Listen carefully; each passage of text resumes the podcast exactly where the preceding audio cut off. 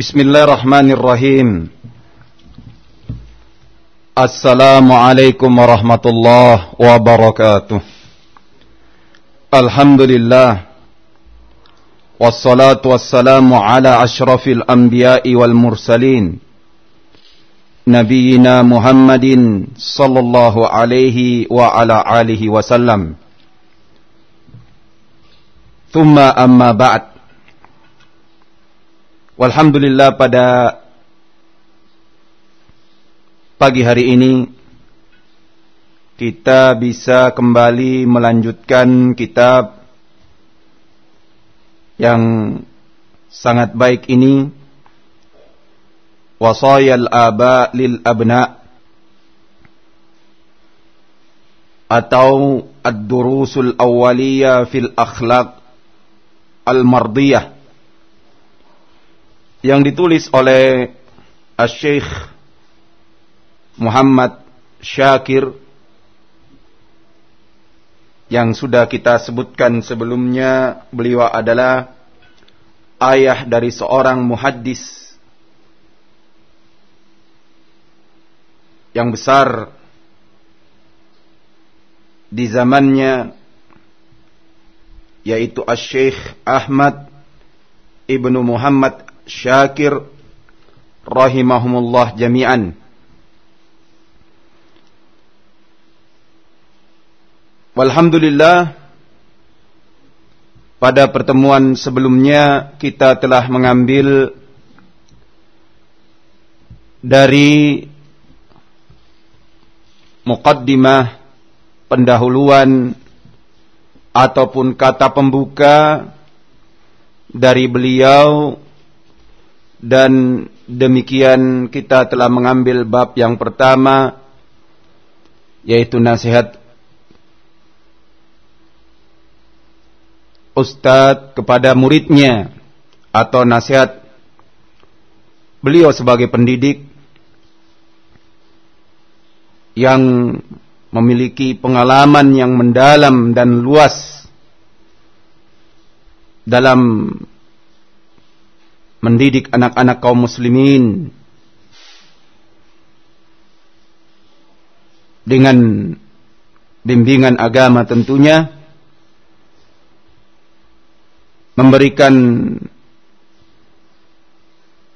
nasihat yang pertama di dalam kitab beliau ini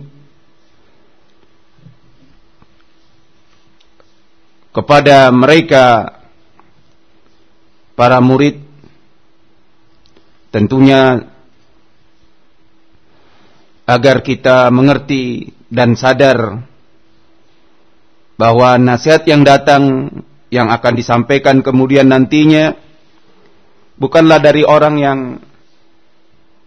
asing bagi kita, bukanlah orang yang ingin masuk dalam urusan-urusan kita, tetapi dari seorang guru, pembimbing, pendidik yang ingin melihat kebaikan kita, melihat masa depan kita, melihat bakti kita tentunya kepada agama ini,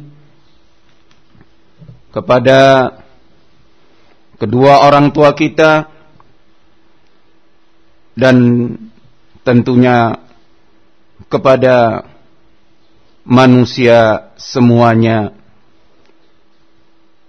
Karena anfa'un nas manusia yang paling bermanfaat adalah mereka yang bisa memberikan manfaat kepada dirinya sendiri kepada kedua orang tuanya, kepada manusia semuanya secara khusus. Mereka adalah orang-orang yang beriman.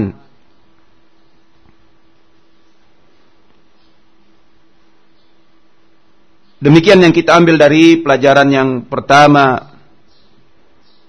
Kita masuk kepada pelajaran yang kedua Walaupun kemarin telah kita ambil sedikit, tapi tidak mengapa kita mengulangi di sini. Qala rahimahullah ad-darsu tsani fil wasiyah bi taqwallah al-azim. Pelajaran atau kajian yang kedua berkaitan dengan wasiat untuk bertakwa kepada Allah, Allah yang Maha Agung. Qala rahimahullah, Ya bunayya, inna rabbaka ya'lamu ma tukinnuhu fi sadrika, wa ma tu'linuhu bilisanika, wa muttali'un ala jami'i a'malika. Fattakillah ya bunayya, wahdhar ayyaraka ala halatin la turdihi. Wahai anakku, para penuntut ilmu, para pelajar, para pemikul ilmu agama yang mulia,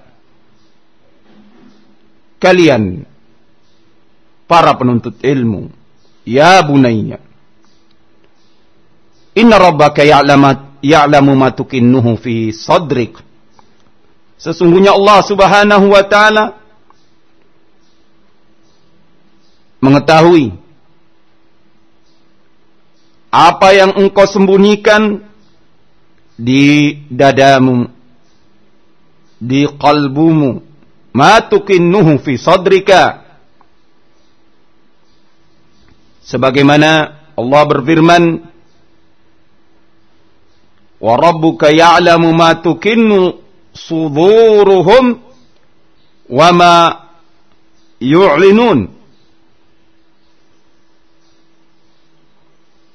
yaitu Allah Subhanahu wa taala mengetahui apa yang dada-dada mereka menyembunyikannya dan apa yang mereka tampakkan Allah Maha mengetahui. Allah tidak pernah tidur, Allah tidak pernah mengantuk, tidak pernah lelah. Allahu la ilaha illa huwal hayyul qayyum la ta'khudhuhu sinatu wala naum. Dia Maha mengetahui al-alim terhadap hamba-hambanya. Semua apa yang ada pada hambanya tidak ada yang terluputkan di sisinya. Jangankan apa yang ada di dalam dada atau di kalbu kita. Kita sebelum ada wujudnya Allah sudah tahu dan mengetahui bakal bagaimana kita dan kenapa dengan keadaan kita nantinya. Jadi yang perlu kita tanamkan dalam kalbu kita semuanya wahai anak-anakku bahwa Allah mengetahui apa yang engkau sembunyikan di kalbumu tidak akan tersamarkan, tertutupi bagi Allah Subhanahu wa taala. Wa ma tu'linuhu bilisanika. Dan Allah juga tahu apa yang engkau tampakkan dengan lisanmu. Engkau memuji kepada Allah, Allah tahu. Engkau berzikir kepada Allah, Allah juga faham dan mengerti dan mengetahui. Engkau berdoa juga Allah faham dan mengetahuinya. Tetapi juga Allah mengetahui apa yang engkau ucapkan dengan lisanmu dari apa yang jelek apa yang tercela, apa yang membawa kepada dosa, membawa kepada maksiat, Allah paham dan Allah tahu. Demikian apa yang engkau sebutkan dengan lisanmu dari apa yang tampak dan berbeda dengan apa yang ada di dalam kalbumu, Allah juga faham sebagaimana munafikun. Allah faham keadaannya mengerti dan mengetahui bagaimana keadaan munafik dengan lisannya berkata baik sementara kalbunya busuk yaitu menyembunyikan suatu yang mengkufuri, mengingkari, menolak agama Allah Subhanahu wa taala, menolak rasulnya Muhammad sallallahu alaihi wasallam. Allah tahu. Wa muttali' ala jami'i a'malika, dia pula Allah yang mengawasi seluruh amal-amalmu. Dia mengawasi seluruh amal-amalmu. Fattakillah maka bertakwalah kepada Allah ya bunayya wahai anak-anakku wahai anakku wahai para penuntut ilmu wahai para pemikul ilmu syariah ilmu agama Fattakillah, bertakwalah kepada Allah. Wahdhar ayyaraka ala halatin. Berhati-hatilah kalian, berwaspadalah kalian. Jangan sampai ayyaraka dia Allah Rabbmu melihatmu mendapatkanmu ala halatin la turdihi dalam sebuah keadaan yang la turdih. Kamu tidak ridhai demikian tidak diridhai oleh Allah Subhanahu wa taala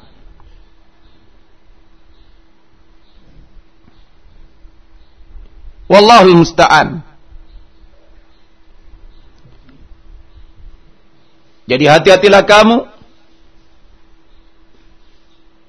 Dia melihatmu dalam keadaan keadaan yang tidak diridhoinya oleh Allah atau keadaan yang Allah tidak ridho dengan keadaan tersebut la turdih. Wallahul musta'an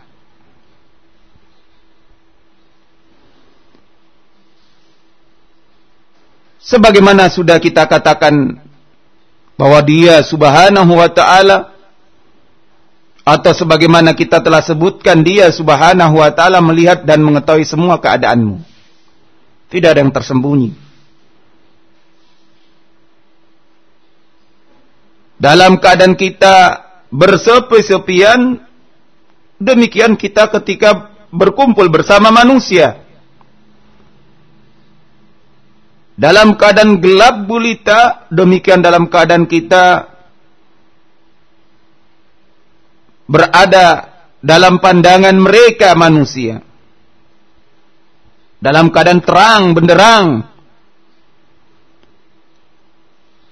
Demikian apa yang ada di kalbu kita yang tidak ada yang tahu kecuali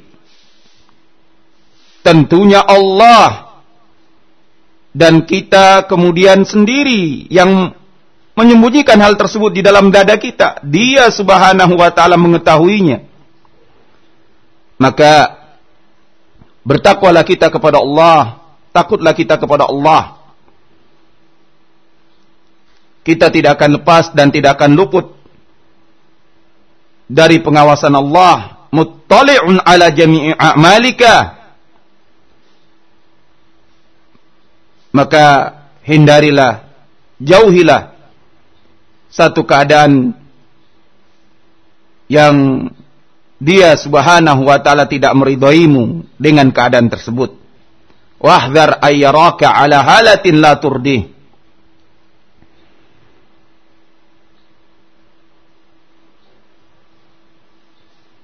Qala rahimahullah ihdar ayyas khata alayka rabbuka alladhi khalaqaka wa razaqaka wa wahabaka al-aqla alladhi tatasarrafu bihi fi syu'unik dan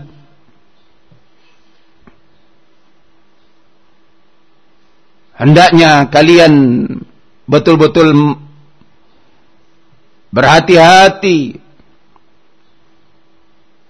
mengambil peringatan terhadap kemurkaan Allah kepadamu ayas khata alaika rabbuka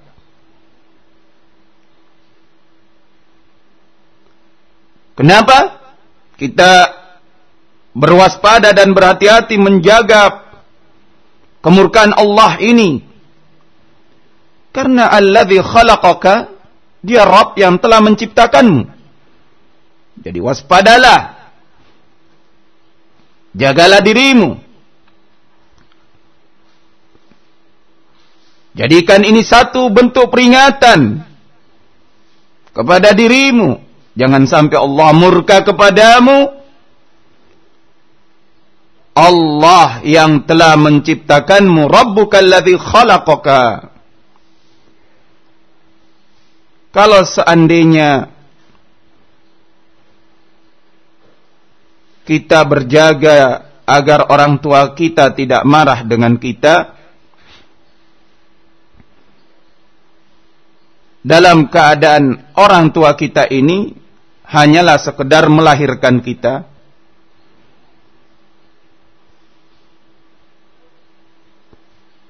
Tentunya ini adalah perkara yang seharusnya. Bagaimana lagi kalau dia itu adalah Rabb yang bukan sekedar mendatangkan kedua orang tuamu dan menciptakanmu tapi menciptakan seluruhnya. Maka kita tentunya lebih berwaspada dan mengambil peringatan terhadap diri kita agar jangan sampai kita membuat dia murka. Ihdar ayas khata alaika rabbuka alladhi khalaqaka. Ambillah peringatan Berwaspadalah, berhati-hatilah engkau membuat murka Allah yang dia telah menciptakanmu. Jangan kita merasa angku dan sombong. Dan jangan kita merasa pongah. Kita tidak ada apa-apanya di hadapan Allah subhanahu wa ta'ala. Apa yang ada pada tubuh kita, apa yang ada pada diri kita semuanya, bukanlah datangnya dari diri kita. Semuanya adalah penciptaan Allah. Dari matamu, dari kulitmu, dari kulit ari, kulit yang berada di luar kulitmu. Lantas darah, daging, dan tulang. Demikian otak, kalbu, yang merupakan akalmu, kemudian mulutmu dan semuanya yang ada pada dirimu, sampai dengan apa yang kamu pakai dari pakaian dan apa yang kamu kendarai, semuanya itu tidak mungkin ada kecuali dengan penciptaan Allah Subhanahu wa taala. Maka hati-hatilah. Jangan seenaknya engkau membuat marah Allah Subhanahu wa taala Ihdar khata alaika rabbuka alladhi khalaqaka wa razaqaka dan dia telah memberikan rezeki kepadamu. Apakah kurang rezeki Allah kepadamu? Apakah rezeki yang Allah berikan kepadamu tidak tercukupi? Kalla. Thumma kalla. Tidak. Dan kemudian tidak. Dia bahkan telah memberikan rezeki kepadamu. Dari sebelum kamu ada. Wujudnya sebagai manusia sekarang ini. Dia telah memberikan rezeki kepadamu ketika kamu masih menjadi darah di dalam rahim ibumu, di dalam perut ibumu. Kemudian kamu dibesarkan di dalam perut ibumu, dibuat menjadi manusia yang utuh dan dikeluarkan oleh Allah Subhanahu wa taala dalam keadaan engkau sebagai manusia yang utuh dari perut ibumu, dari rahim ibumu. Dia yang memberikan rezeki kepadamu. Setelah engkau lahir, kamu belum bisa memakan makanan apa-apa. Dia yang menyalurkan makanan kepadamu.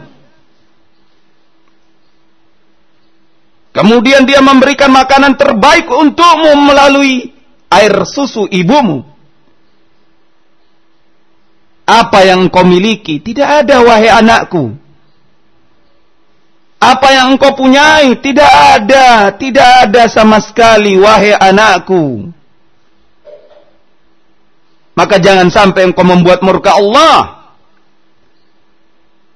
Yang dia telah mempersiapkan segala-galanya untukmu. Razaqaka wa wahabakal akla. Kemudian dia memberikan kepadamu akal. Akal itu adalah nikmat yang terbesar yang Allah datangkan kepada tubuh hamba. Berkata Imam Al-Jauzi rahimahullahu taala di dalam muqaddimah kitabnya Talbisul Iblis akal itu kalau dipermisalkan dengan alam semesta ini maka dia itu adalah sebagai matahari yang menerangi yang dengannya dapat diketahui yang terang. Maka demikian akal untukmu. Demikian akal untukmu. Sehingga dikatakan alladzi tatasarrafu bihi fi syu'unika. Dengan akal ini kamu bisa bergerak bertindak tanduk dalam perkara-perkaramu, keadaan-keadaanmu.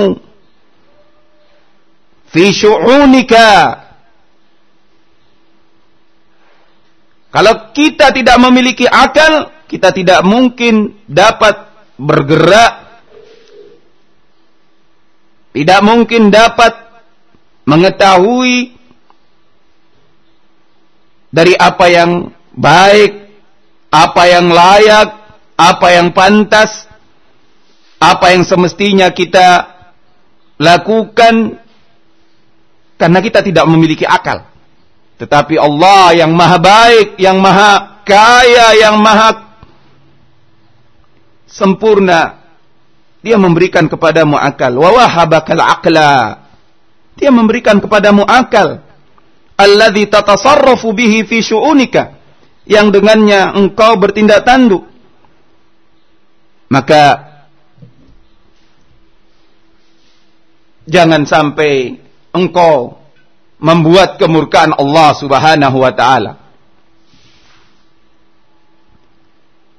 Kaifa yakunu qala rahimahullah Kaifa yakunu haluka idza tala'a 'alaika abuka wa anta taf'al amran nahaka anhu. Maka bagaimana keadaanmu? Coba. Bagaimana keadaanmu? Kaifa yakunu haluka? Apabila ternyata idza tala'a 'alaika abuka apabila ternyata bapakmu sendiri mengetahui apa yang engkau lakukan wa anta taf'al amran nahaka yaitu dalam keadaan engkau melakukan perkara yang dia larang kamu untuk melakukan perkara tersebut nahaka anhu Coba bagaimana kamu dapatkan keadaanmu apabila engkau satu waktu melakukan perbuatan yang dilarang oleh ayahmu. Kemudian ayahmu tahu. Kaifa yakunu haluka? Idza tala'a 'alaika abuka wa anta taf'al amran nahaka anhu. Tentunya dengan perasaan berdosa. Dengan perasaan bersalah. Dengan merasa menyesal engkau melakukan perbuatan tersebut. Engkau mungkin mengatakan seandainya hal ini tidak diketahui oleh bapak saya Seandainya perbuatan ini tidak terlihat oleh bapak saya, tapi ternyata terlihat dan diketahui dalam keadaan yang mengetahui itu hanyalah ayahmu. Maka bagaimana kalau yang mengetahui itu adalah Allah? Robnya ayahmu. Robmu pula yang mengetahui itu adalah Rabb yang memiliki alam semesta ini. Bagaimana kira-kira kalau yang mengetahui itu? Dan tentunya dia maha tahu. Sebelum bapakmu tahu, dia sudah tahu. Maka jangan engkau melakukan satu perkara yang itu membuat murka. Bahkan dilarang oleh Rabbmu. Sampai ayahmu pun tidak suka kalau engkau melakukan perbuatan tersebut. Amatakhsha ayusaddida alaikal uqubah Apakah atau tidakkah kamu khawatir? Amatakhsya Tidakkah kamu khawatir nantinya ayushaddid alaikal uqubah dia ayahmu bisa saja mengikapmu dengan sekeras-keras iqab ayushaddida alaikal uqubah. Dia akan mengikapmu dengan sekeras-keras iqab karena engkau melakukan apa yang dia larang. Ini adalah ayahmu. Falyakun haluka ma Allah kadzalik maka jadilah engkau dengan keadaanmu yang selalu takut dan khawatir. Mendapatkan iqab ma Allah kadzalik tentunya dengan Allah. Demikian seharusnya. Falyakun haluka ma Allah kadzalik maka jadikanlah keadaanmu bersama dengan Allah demikian seharusnya. Kadzalik. Li'annahu yaraka min haitsu la tarah. Karena dia melihatmu dari sisi yang kamu tidak melihatnya. Dia melihatmu, mengawasimu, mewaspadai apa? Mengawasimu, menelaah keadaanmu, dia subhanahu wa ta'ala. Dalam keadaan kamu tidak melihatnya. Karena dia maha gaib. Tapi dia ada. Fala tufarrid fi syai'in amaraka bihi. Wala tamdud yadaka ila syai'in nahaka anhu.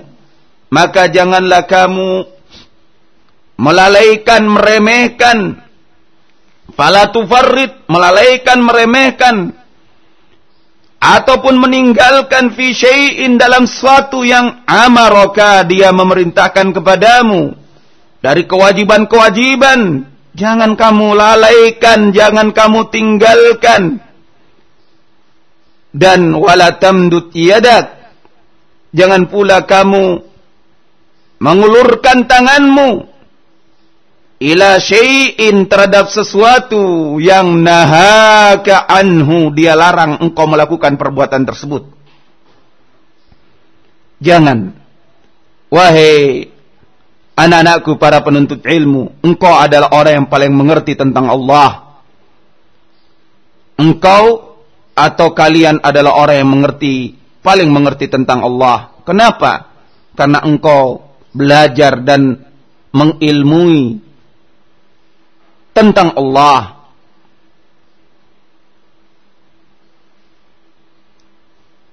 Karena yang wajib bagi para penuntut ilmu pertama kali dia adalah mengetahui Allah. Maka kalian yang paling tahu tentang Allah. Pengetahuanmu terhadap Allah melebihi yang lainnya dari awamun nas, dari keumuman manusia. Sehingga pengetahuanmu terhadap Allah seharusnya menjaga dirimu untuk berbuat dosa, berbuat maksiat, berbuat suatu yang mendatangkan kemurkaan Allah yang dengannya dia akan mengikapmu. Sehingga apa yang dia wajibkan, kerjakan apa yang dia larang, tinggalkan. Jangan sampai kita malahan Orang-orang yang menentang dan menjalankan apa yang dia larang dan meninggalkan apa yang dia perintahkan Allahul Musta'an.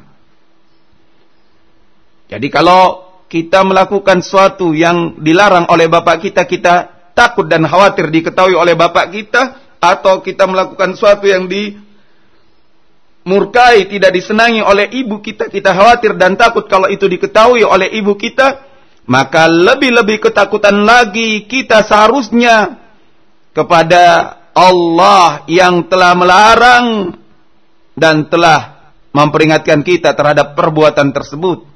Karena dia maha keras ikopnya dan azabnya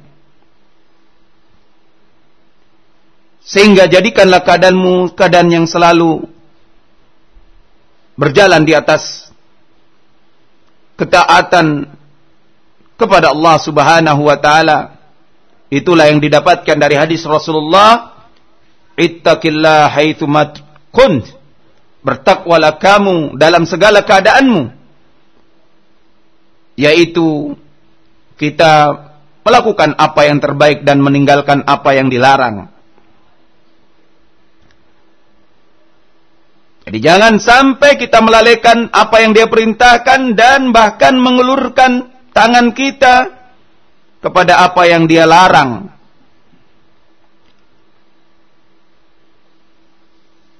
Ya bunayya qala rahimahullah Inna rabbaka syadidul batsi syadidul iqab fahdharhu ya bunayya Wahai anak-anakku para penuntut ilmu Wahai para pembawa ilmu syariah, sesungguhnya Rabbmu, syadidul batsi, adalah Rabb yang maha keras.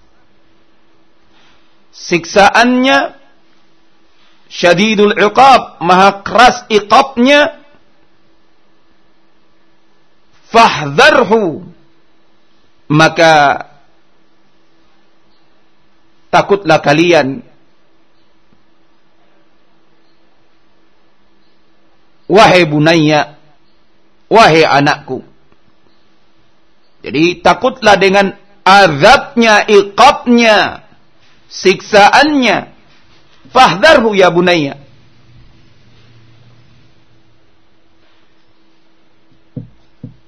Wattaqillah atau wattaqi ghadabah wa sakhatah wa la yaghurannaka hilmuhu Inna Allah yumli lidzalim hatta idza akhadahu lam.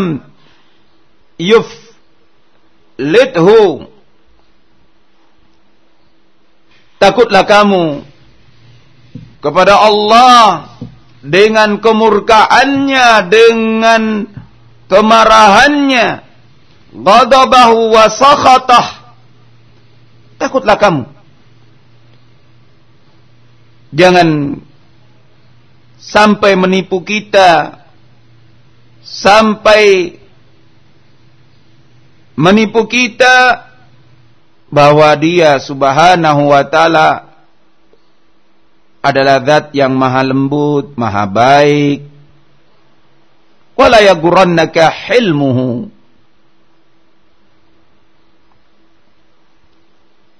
Tentunya dari akidah yang kita ketahui bahwa rahmanya lebih luas daripada kemurkaannya. Tetapi bukan berarti kita bermudah-mudahan untuk mendatangkan kemurkaan Allah.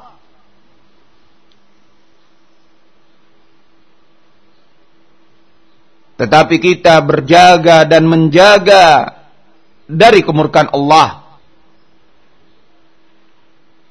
Dan berharap kebaikannya dengan apa-apa yang kita jalankan dari kebaikan-kebaikan dan berharap kebaikannya agar dia tidak mendatangkan kemurkaan dengan apa yang kita lalai, apa yang mungkin kita tergelincir. Bukan berarti kita menyengaja, bukan berarti kita bersengaja untuk melakukan apa yang dia murkai.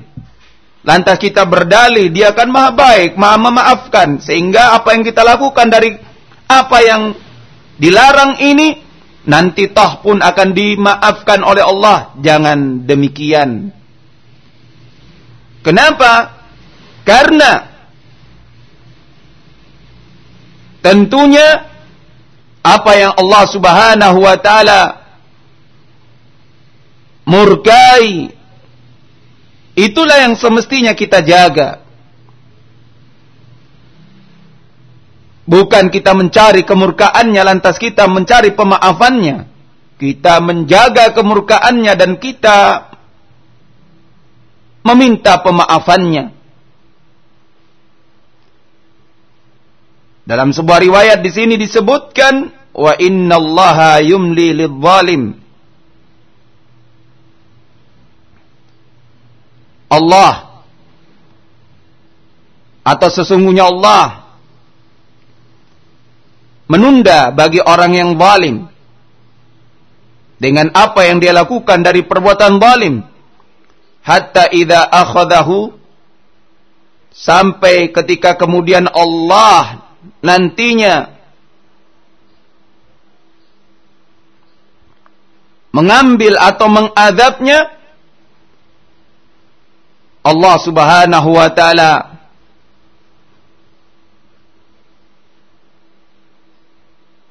tidak akan membiarkannya. Yaitu Allah tidak akan meluputkan padanya azabnya. Jadi dibiarkan dia melakukan perbuatan zalim sampai kemudian telah banyak kezalimannya sehingga ketika telah banyak kezaliman yang dia lakukan Allah pun mengadabnya dan tidak ada alasan baginya untuk meminta maaf pada waktu itu Wallahul musta'an. Jangan sampai keadaan kita demikian. Jangan sampai keadaan kita dari orang-orang yang telah melakukan perbuatan dosa dan maksiat dalam keadaan tenang. Dalam keadaan nyaman tanpa merasa berdosa sama sekali. Jangan. Bisa jadi keadaan kita seperti apa yang disebutkan dalam hadis tadi. Dibiarkan kita melakukan perbuatan dosa Sampai kemudian apabila telah cukup di sisi Allah, kita pun akan diadabnya. Dan azab ini tidak ada yang dapat menahannya. Kita akan disiksa olehnya dengan iqab, dengan siksaan yang tidak akan ada yang dapat menahannya dan menolaknya wallahul musta'an. Jadi jagalah diri kita untuk mendatangkan kemurkaan Allah. Mendatangkan marahnya Allah. Hati-hati kita. Takutlah kita. Jangan kita bermudah-mudahan. Jangan kita menganggap remeh kemurkaannya. Dengan alasan dia juga maha baik. Tidak demikian. Tetapi seharusnya kita menjauhi kemurkaannya dan kita berharap rahmanya, kebaikannya. Allah Ta'ala a'lam bisawab. Ya bunayya inna fi ta'atillah minal lidzah atau minal ladzati warraha ma la yu'raf illa bitajribah. Wahai anakku, para penuntut ilmu, sesungguhnya di dalam ketaatan kepada Allah kalau benar-benar kita taat kepadanya didapati minal ladzati warraha akan didapati suatu yang lezat, suatu yang nyaman, nikmat. Warraha akan didapati ketenangan, kelapangan. Mala yu'raf illa bitajriba. Tentunya tidak diketahui hal ini kecuali dengan adanya bentuk tajribah, adanya bentuk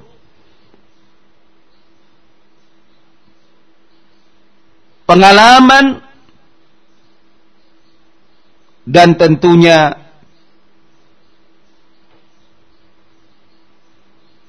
pendalaman dalam masalah ini. Seorang yang mempunyai pengalaman di dalam mentaati kepada Allah dia akan selalu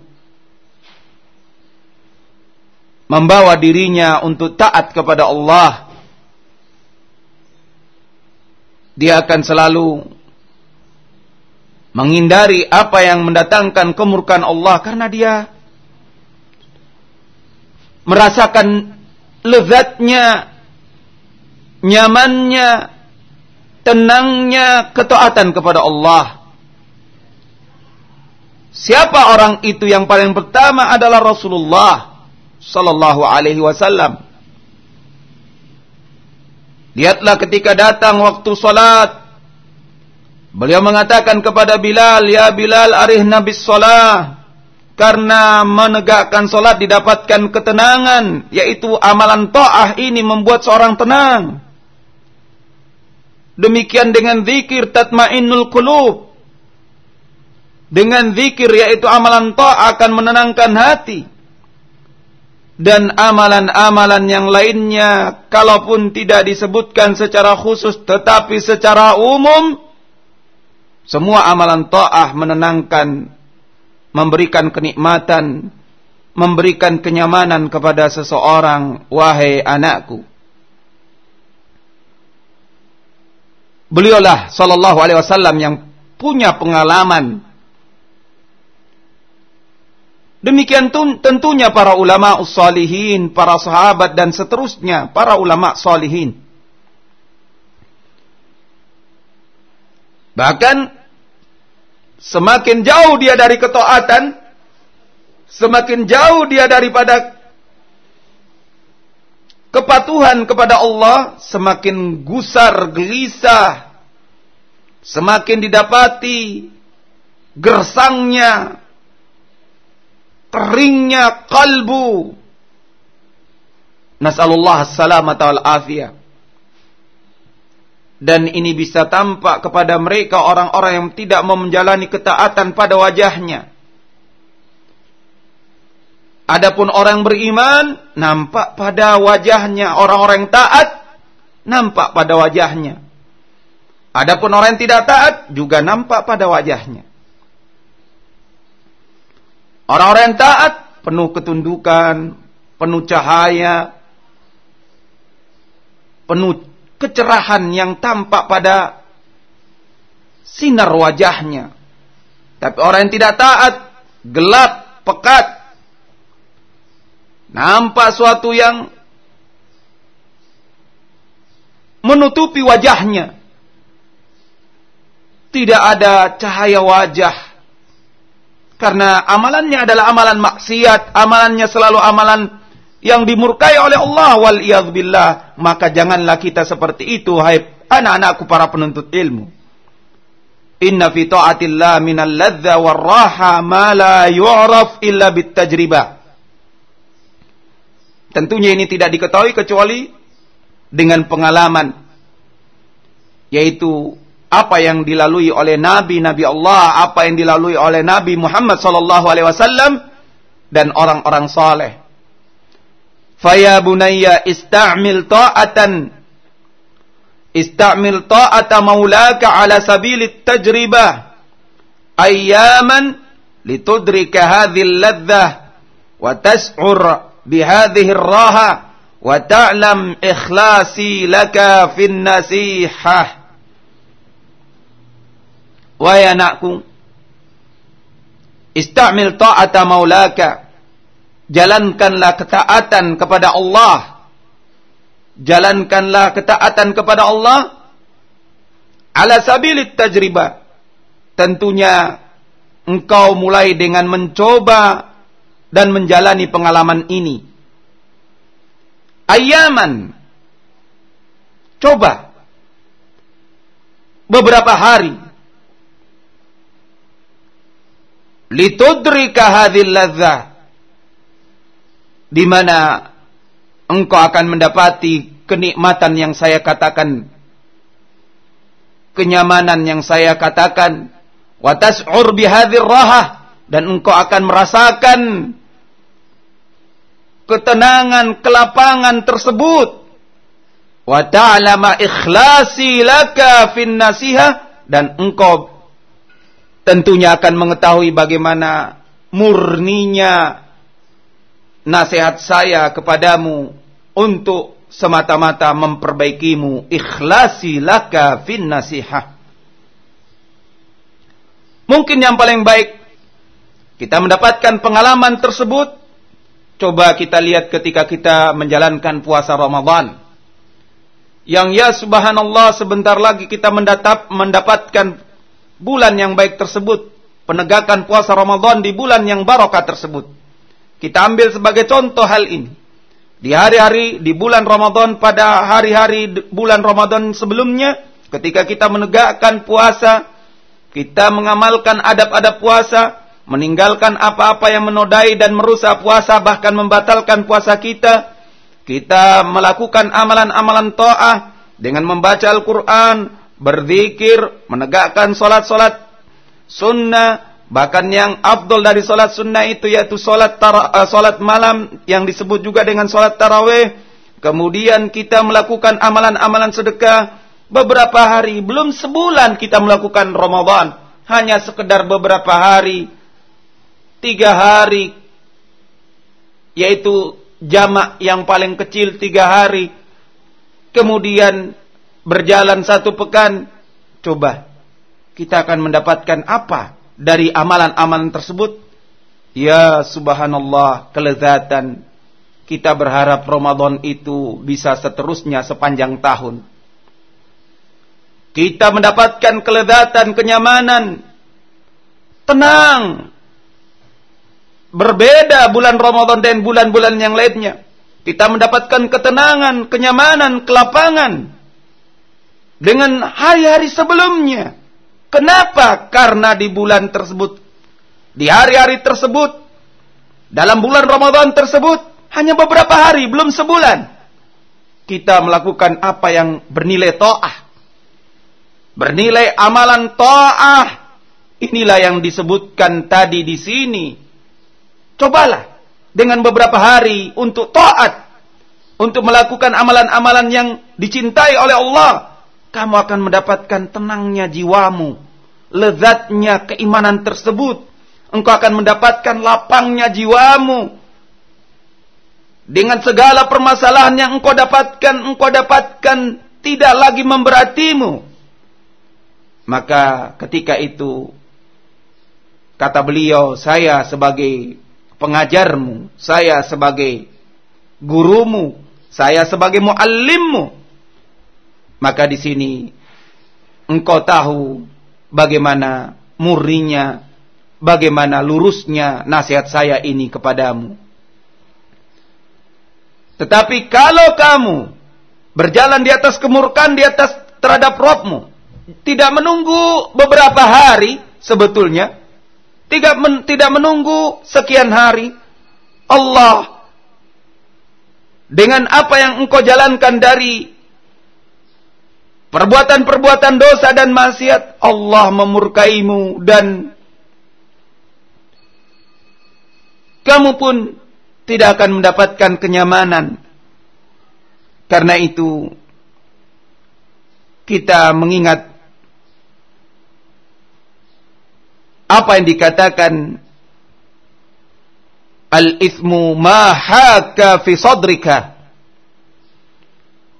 Dosa itu apa yang mengganggu, apa yang menodai, apa yang membuat hatimu kusut,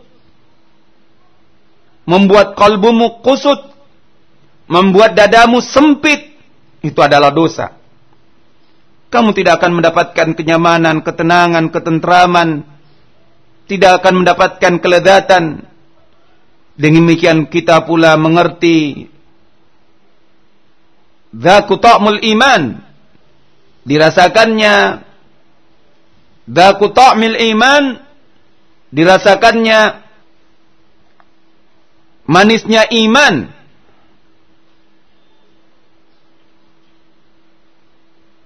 Atau ta'mul iman manisnya keimanan itu akan dirasakan Salah satu darinya apabila seorang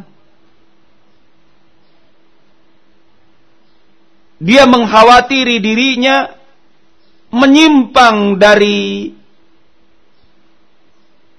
iman, menyimpang dari kecintaan Allah Subhanahu wa taala. atau dikeluarkannya dia dari keimanan setelah sebelumnya dia berpegang dengan keimanan. Atau dia melakukan perbuatan-perbuatan dosa yang sebelumnya dia tidak melakukan perbuatan tersebut. Wallahul musta'an. Jadi dia tidak mendapatkan kenyamanan, kenikmatan maka bimbinglah dirimu untuk taat kepada Allah agar kamu tenang, nyaman. Inilah yang seharusnya ada pada dirimu. Ingatlah pentingkan dirimu untuk taat kepada Allah Subhanahu wa taala. Wallahu taala a'lam bisawab. Ini yang mungkin bisa kita ambil pada pertemuan kita pada siang hari uh, pada pagi hari ini. InsyaAllah ta'ala kita lanjutkan pada pertemuan yang lain. Walhamdulillahi alamin. Wa sallallahu wa ala Muhammad. Wa ala ali Muhammad kama sallaita ala Ibrahim wa ala ali Ibrahim. Innaka hamidun majid. Walhamdulillahi rabbil alamin. Wassalamualaikum warahmatullahi wabarakatuh.